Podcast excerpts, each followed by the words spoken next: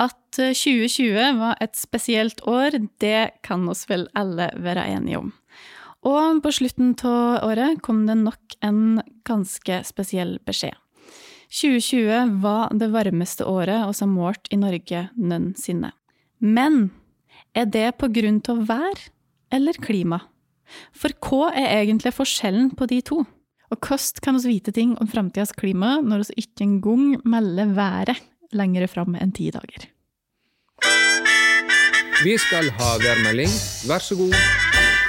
Vel, temperaturen er steget en del i Finnmark. I Finnmark blir det fortsatt kaldt. Så folk skal til det østafjelske, ellers i landet temmelig mildt. Du hører på Værfast med Meteorologisk institutt. Ellers i landet litt mildere enn det var i dag.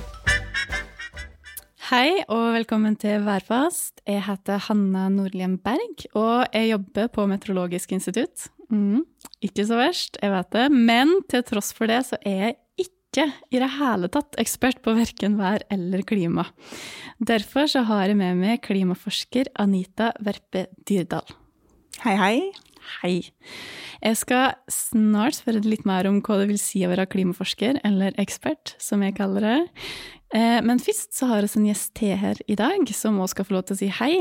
Og så er det jo sånn, på Meteorologisk institutt så jobber vi veldig mye med framtida. Framtidas vær og framtidas klima. Og hva er vel da mer naturlig enn å ta en prat med lederen av Norges største miljøorganisasjon, Framtiden i våre hender, Anja Bakken Riise. Velkommen. Tusen takk for det. Veldig hyggelig å få komme hit. Ja, veldig hyggelig at du ville komme. Hvordan går det?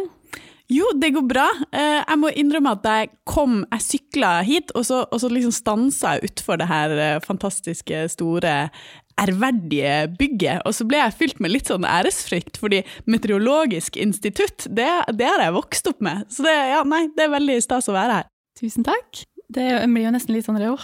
det blir litt Hva skal man si? Veldig hyggelig med skryt, eller hva man skal si, da. Ja. Og hvordan går det med det, Anita? Du er på plass, og er jo på plass her på Meteorologisk institutt, faktisk. Ja, og det er min første gang på kontoret siden august. Så det er jo veldig spesielt. Så jeg er jo eh, litt sånn eh, spent på å være her, og jeg er jo stolt av Meteorologisk institutt, det må jeg si. Mm, mm, absolutt. Og så må jeg jo selvfølgelig si til lytteren som hører på i disse tider, som det heter seg, at vi har veldig god avstand, altså.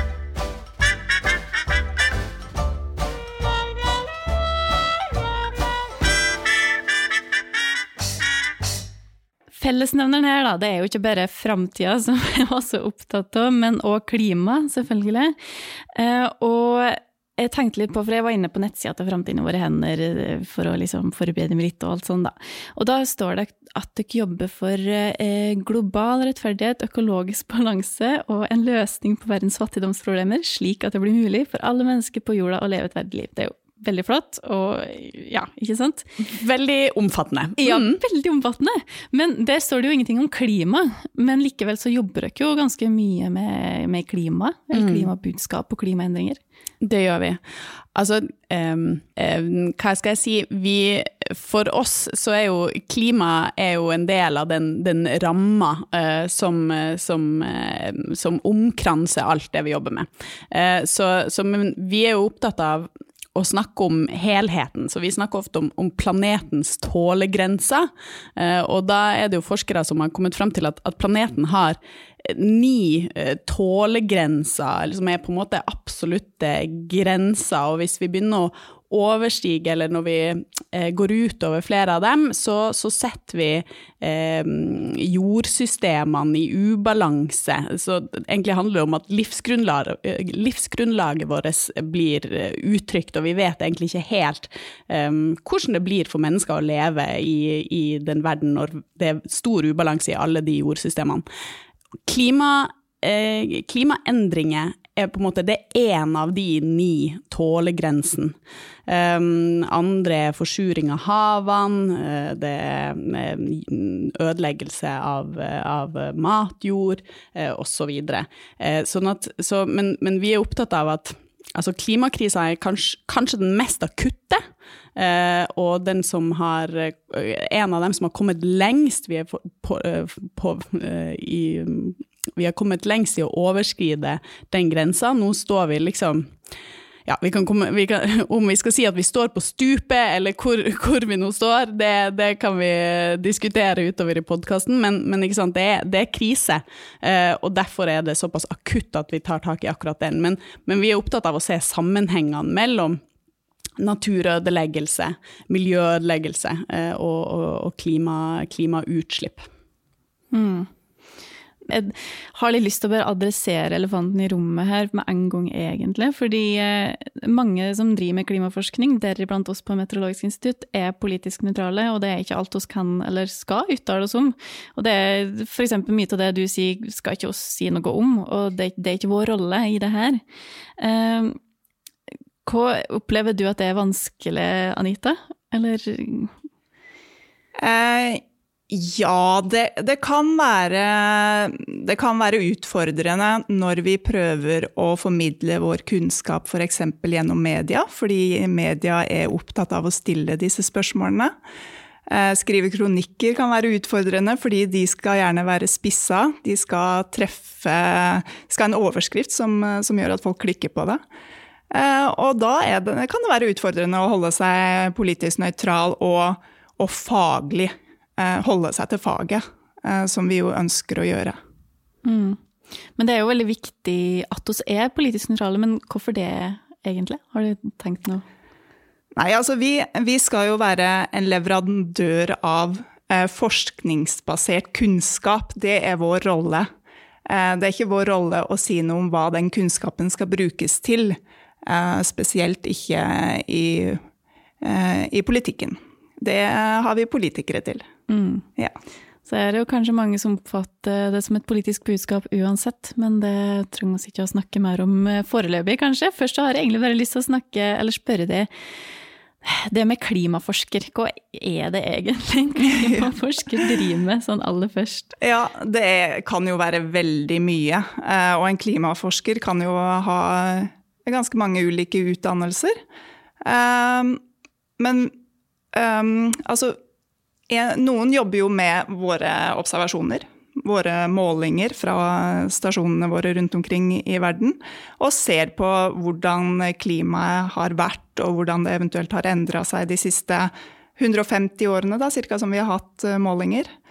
Eh, noen ser enda lengre tilbake i tid, mange tusen år, millioner år tilbake i tid, eh, og ser på hvordan klimaet kan ha vært da ved hjelp av f.eks. iskjerner. Det kalles paleoklima. Eh, og så er det jo da veldig mange også som jobber med fremtidens klima. Først og fremst fordi at vi trenger god kunnskap for både klimagassutslipp, altså eh, grunnlag for, eh, for hvordan vi, eh, politikk skal føres. Eh, men også hva vi eh, eventuelt må tilpasse oss av klimaendringer. Eh, og da har vi alt fra de som jobber direkte med å utvikle klimamodeller, som er, som er den, det verktøyet vi har for å studere klimaendringer i fremtiden Eh, og til eh, å analysere resultater og kommunisere de ut til publikum eh, og til beslutningstakere. Det er mye. Det, det er stort. stort. Mm. Ja. Og Dura, du, hva du jobber med? ja, så, jeg har jobba mye med ekstremnedbør, men faktisk ganske lite med selve meteorologien bak ekstremnedbør. Mer med statistikk. Eh, eh, og den type statistikk som brukes når vi eh, skal bygge infrastrukturen vår. Hvor mye regn skal infrastrukturen tåle? Og så leder jeg et samarbeid mellom Meteorologisk institutt og NVE og Norse og Bjerknessenteret i Bergen.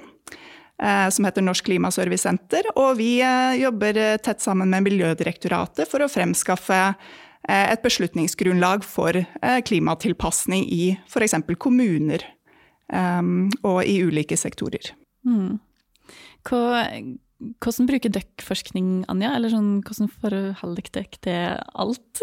altså, forskning er grunnsteinen i, i, alt det som vi holder på med. Jeg ser vel egentlig litt på oss som noen Vi er et slags mellomledd, da.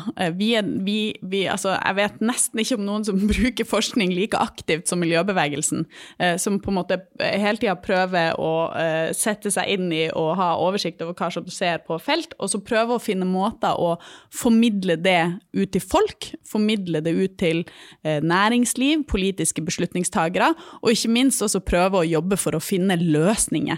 Eh, hvordan, ok, Hva gjør vi da med dette ekstremnedbørsmengdene som kommer? Hva, hva, hvordan bør politikerne forholde seg til det? Vi prøver hele tida å jobbe med å finne løsninger for det. Mm.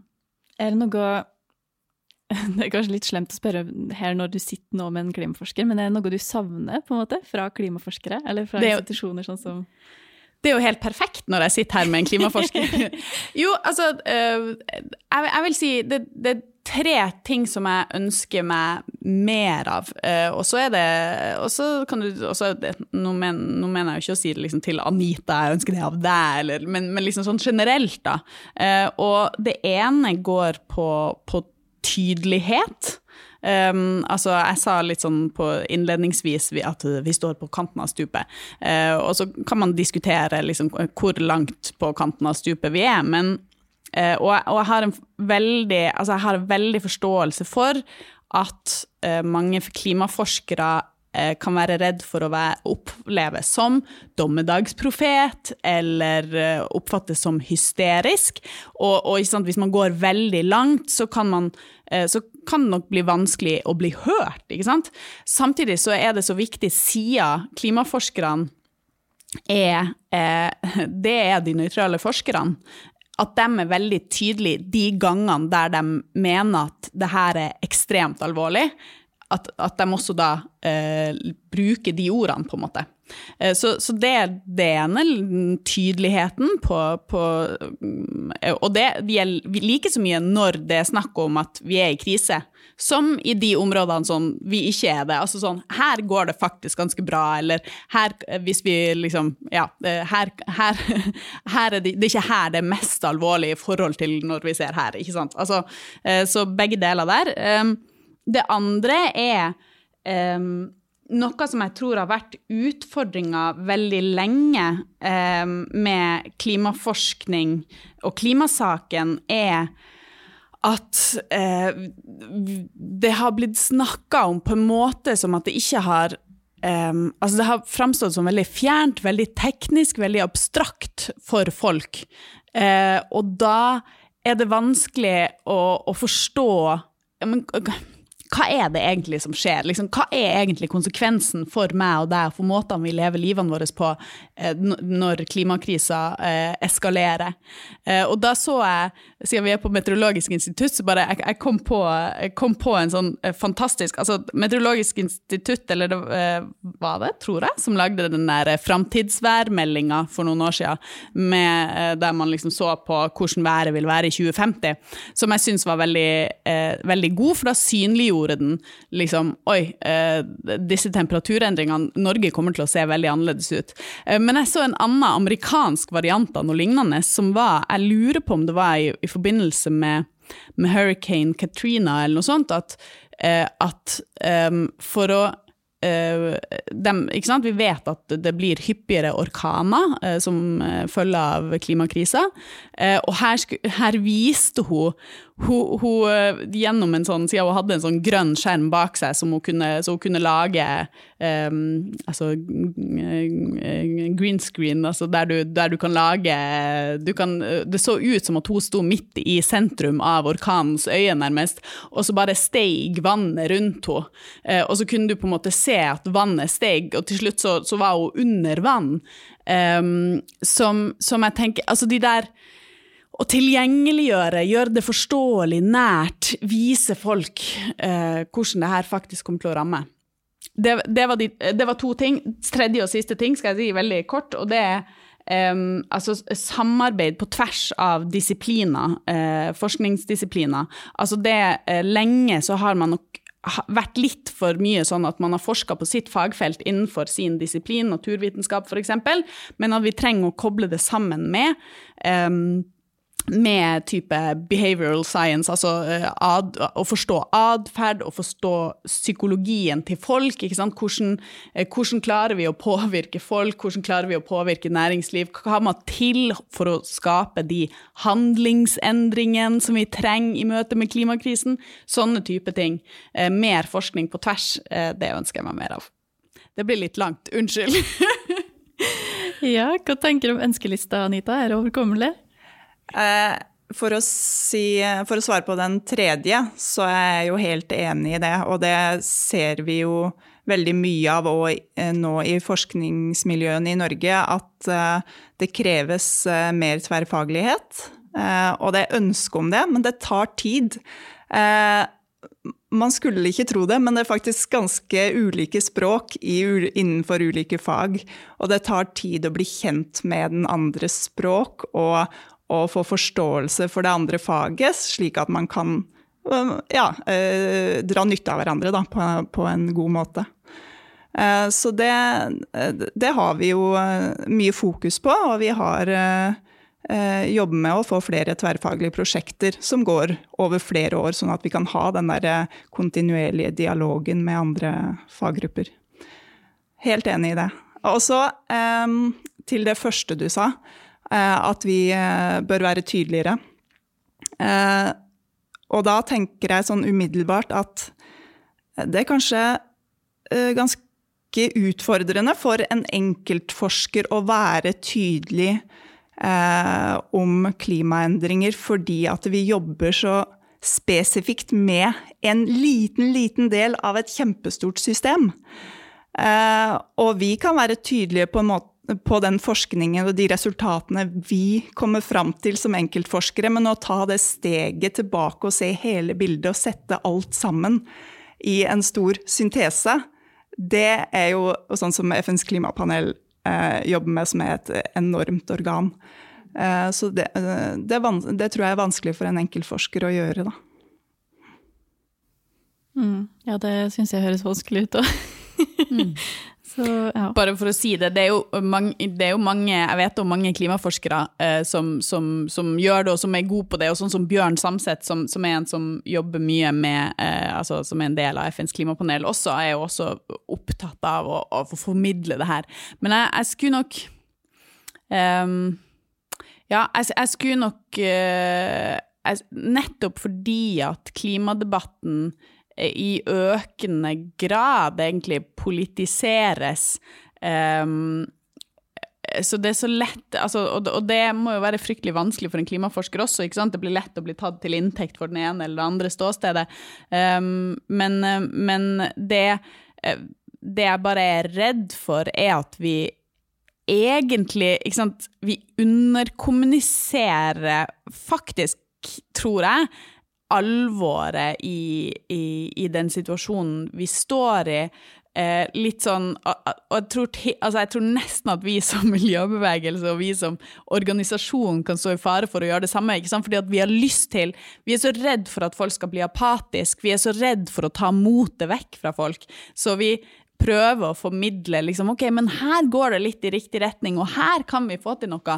Um, Eh, og det tror jeg at media ofte også gjør, at de blir sånn De blir lei av alle de her negative krisenyhetene. Um, så, så, de prøver ofte å finne de positive vinklingene, som er veldig forståelig. Men, men, i en sånn situasjon også, da, så tenker jeg at det er veldig viktig at dem som eh, dem som står på forskninga, som står på kunnskapen, som står på faktaene, eh, at, at, det kommer veldig tydelig ut, da. Mm. Mm.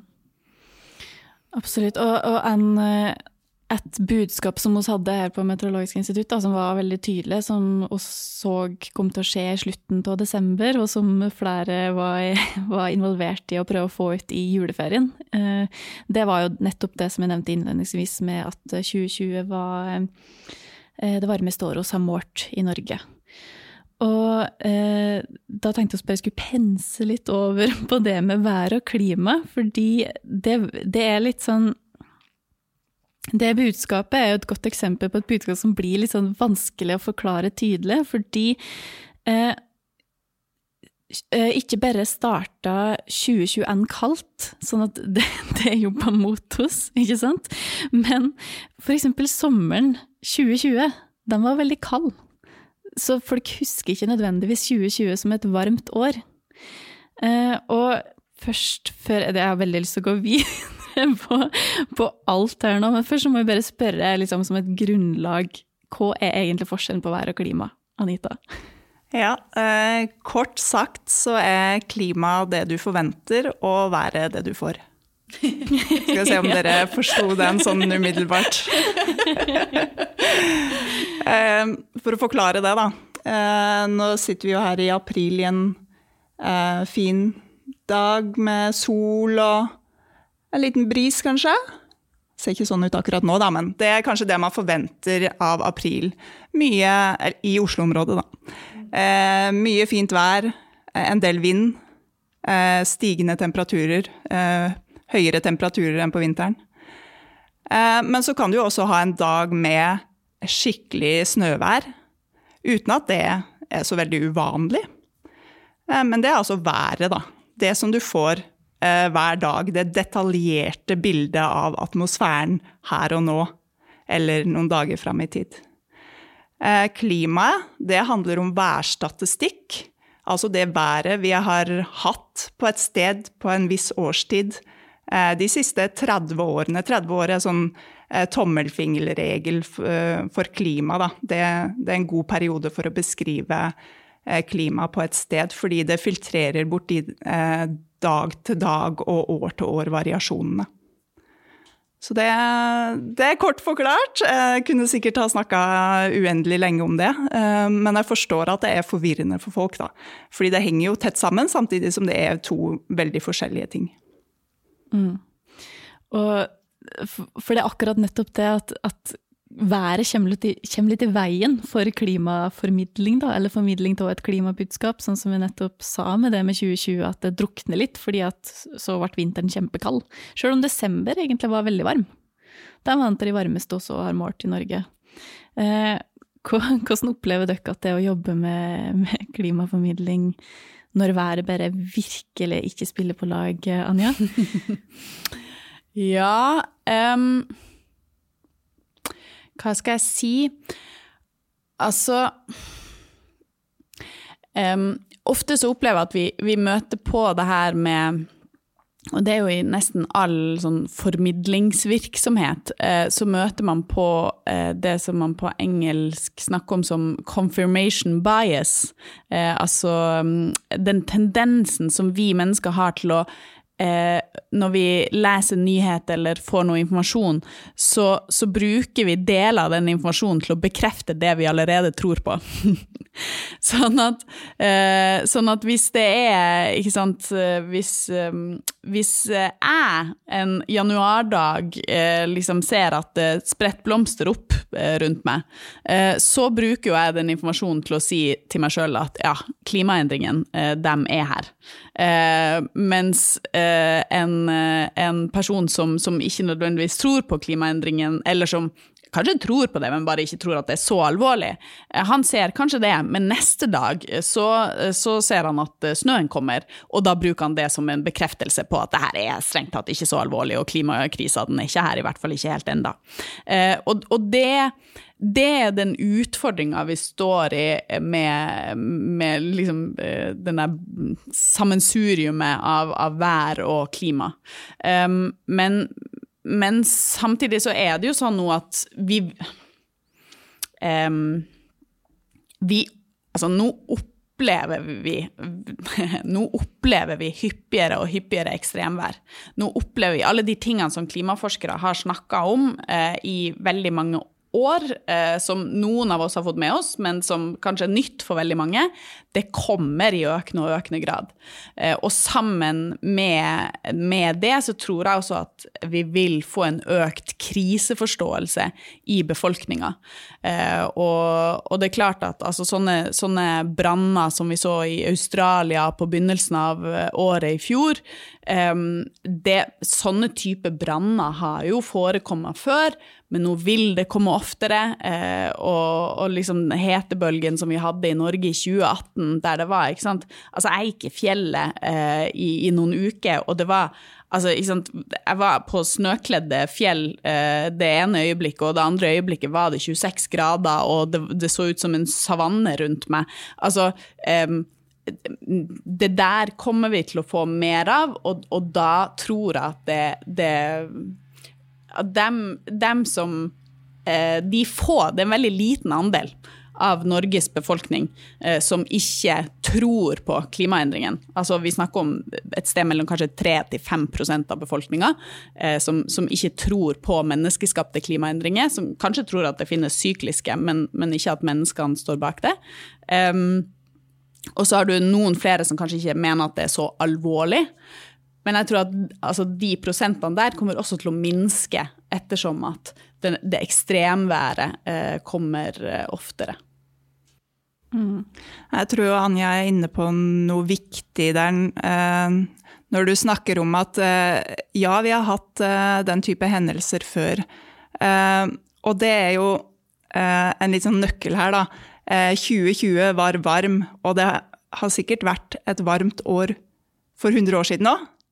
Eh, men det skjedde ikke like ofte. Så selv om vi ikke kan knytte en enkelt hendelse eller et enkelt år til, eh, direkte til klimaendringer, eller si at her var det klimaendringene som sto bak, så, så føyer det seg inn i et mønster av at flere av disse hendelsene kommer. Da. Og sannsynligheten endrer seg for, for, slike hendelser.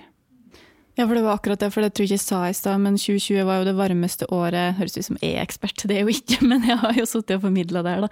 2020 eh, var det varmeste året som ble i Norge, og så var det eh, på delt førsteplass globalt sammen med 2016.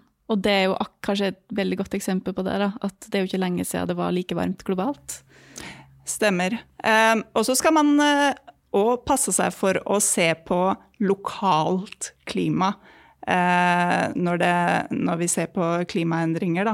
Eh, fordi at eh, et, det, kan, det, kan, være ganske stor forskjell på eh, lokalt klima og på globalt klima. Eller eh, global temperatur og lokal temperatur et år kan være veldig ulikt. Så, så, det er mer robust å se, se på en større skala, eh, både i tid og rom. Altså se på eh, global skala over lang tid, og hvordan, hvordan ting har endra seg over ja, f.eks. en 30-årsperiode, eh, eller en helst enda lengre tid. Da. Eh, så det er det vi ser på når vi, når vi jobber med klima. Vi ser på de store trekka. Eh, store, den store utviklingstrenden ikke detaljene i, eh, så, sånn som vi gjør, gjør, i et værvarsel. Mm. Det var litt artig å bare komme på når de snakka om å gå i fjellet, Anja. fordi den sommeren så jobba jeg, apropos stavkirke, så jobba jeg på Norsk Folkemuseum. Jeg jobba der i mange år som sånn tunvert, og da har de på deg kostyme, og så er du på en måte en person fra den tida du er i da. da. Og da jobba jeg ganske mye på det tunet da, som heter Enerhaugen, som er fra Enerhaugen i Oslo i 1910, er det vel, om jeg husker. Og da husker jeg at jeg tenkte akkurat Da var jeg kanskje litt sånn flink, da, for da tenkte jeg å herregud, så varmt det er. Eh, så først ikke sant, så tenker en jo at nei, så varmt var det ikke før. Jeg kan jo ikke gå rundt her i liksom den svære stakken jeg har på meg eh, i hva var det da, 35 grader og sånn. Og så fikk jo eh, is. De gikk jo rundt og delte ut is til oss, så det var, veldig godt å være tatt vare på. Altså, det var ikke det. Men, men så tenkte jeg faktisk òg akkurat det der at det var sikkert et år nå da som var så varmt, eller som var varmt. Det var jo varme dager før òg. Det er bare at Absolutt. det er mer nå. Ja, ja. ja. Mm.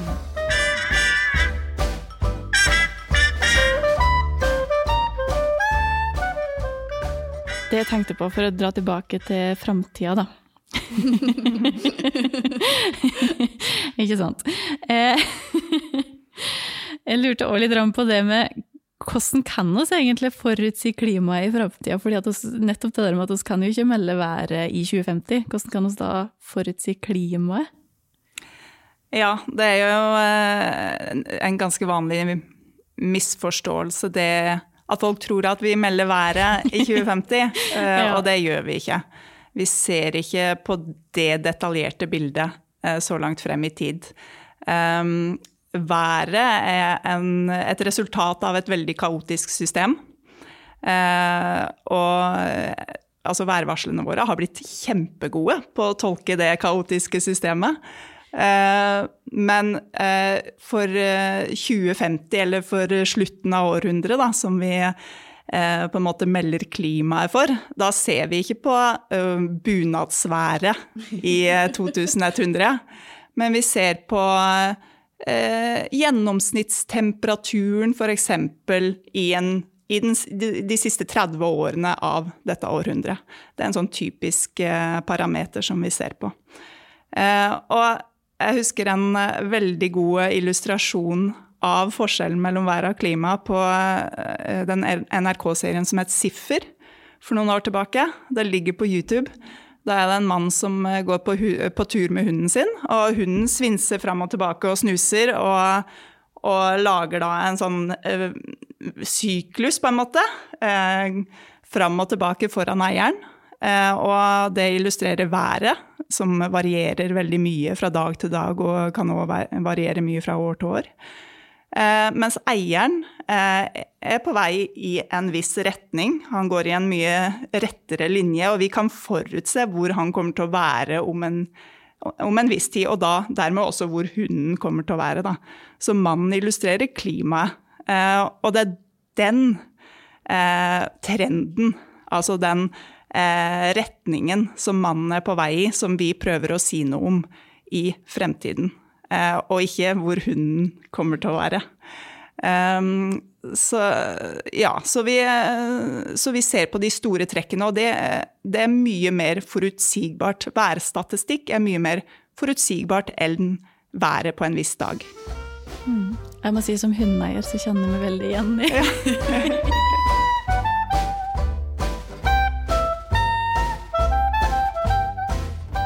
Og så har jeg begynt å gå tom for tid, men det var en ting som jeg hadde veldig lyst til å spørre om, eh, som òg går på det med klimaformidling. fordi i våre eh, sosiale mediekanaler da, eh, på Meteorologisk institutt, eller på Yr, det er jo Yr å satse mest på, og som, som, med, som jeg sitter med til daglig.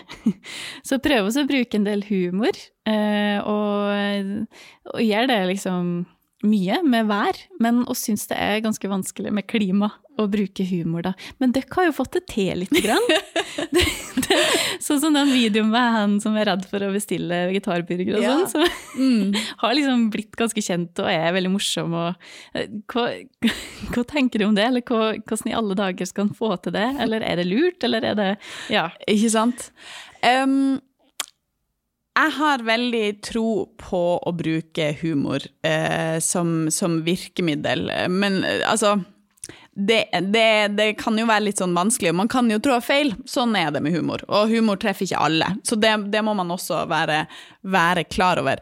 For liten anekdote. Vi lagde en ved forrige kommunevalg altså Det er jo sånn at, at uh, unge er dem som stemmer grønnest, altså som mest sett klima og miljø høyt oppe. Um, um, men det, det er færrest av de unge som faktisk stemmer.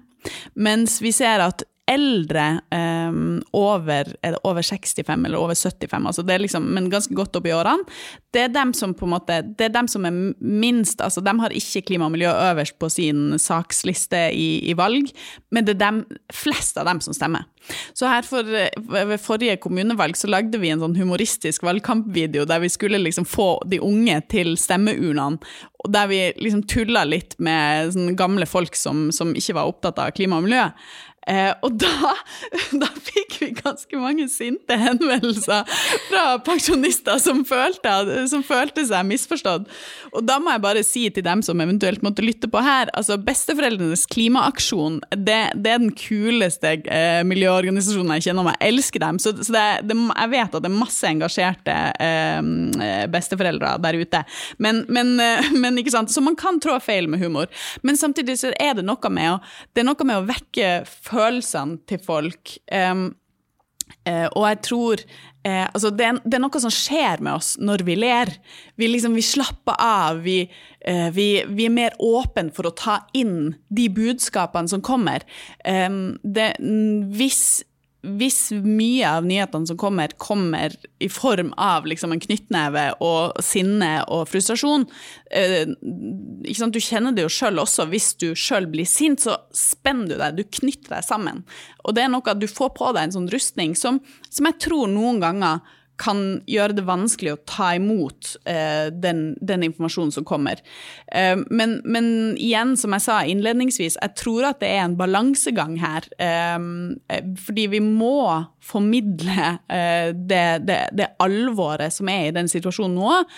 Men vi er mennesker, vi trenger noen lyspunkter, vi trenger noen fredager. Eh, vi trenger noe gjenkjennelig. Eh, så, så liksom å finne en god balansegang der, det tror jeg er viktig. Absolutt. Ja, nei, det må jo nesten bare bli en nøtt, det, da. Å tygge videre på, rett og slett. Tusen takk for at eh, det kom. Tusen takk for at du kom, Anja. Og tusen takk for at du òg kom på kontoret, Anita. takk for det. Takk for at jeg fikk en grunn til det. ja. ja. Og takk for at du hørte på Værfast med Meteorologisk institutt. Og eh, så er det jo sånn at eh, spesielt det her kanskje, som eh, et stort tema med mange ting som vi ikke rakk å snakke om og spørre om, så er, kan det hende at du har et spørsmål. Og da kan du sende inn det til værfast, krøllalfamett nå, altså værfast på nynorsk med e, ikke æ. Yes. Denne episoden er produsert av eh, Therese Norum og meg, Hanne Nordlund Berg, med bidrag fra Anita Verpe Dyretal.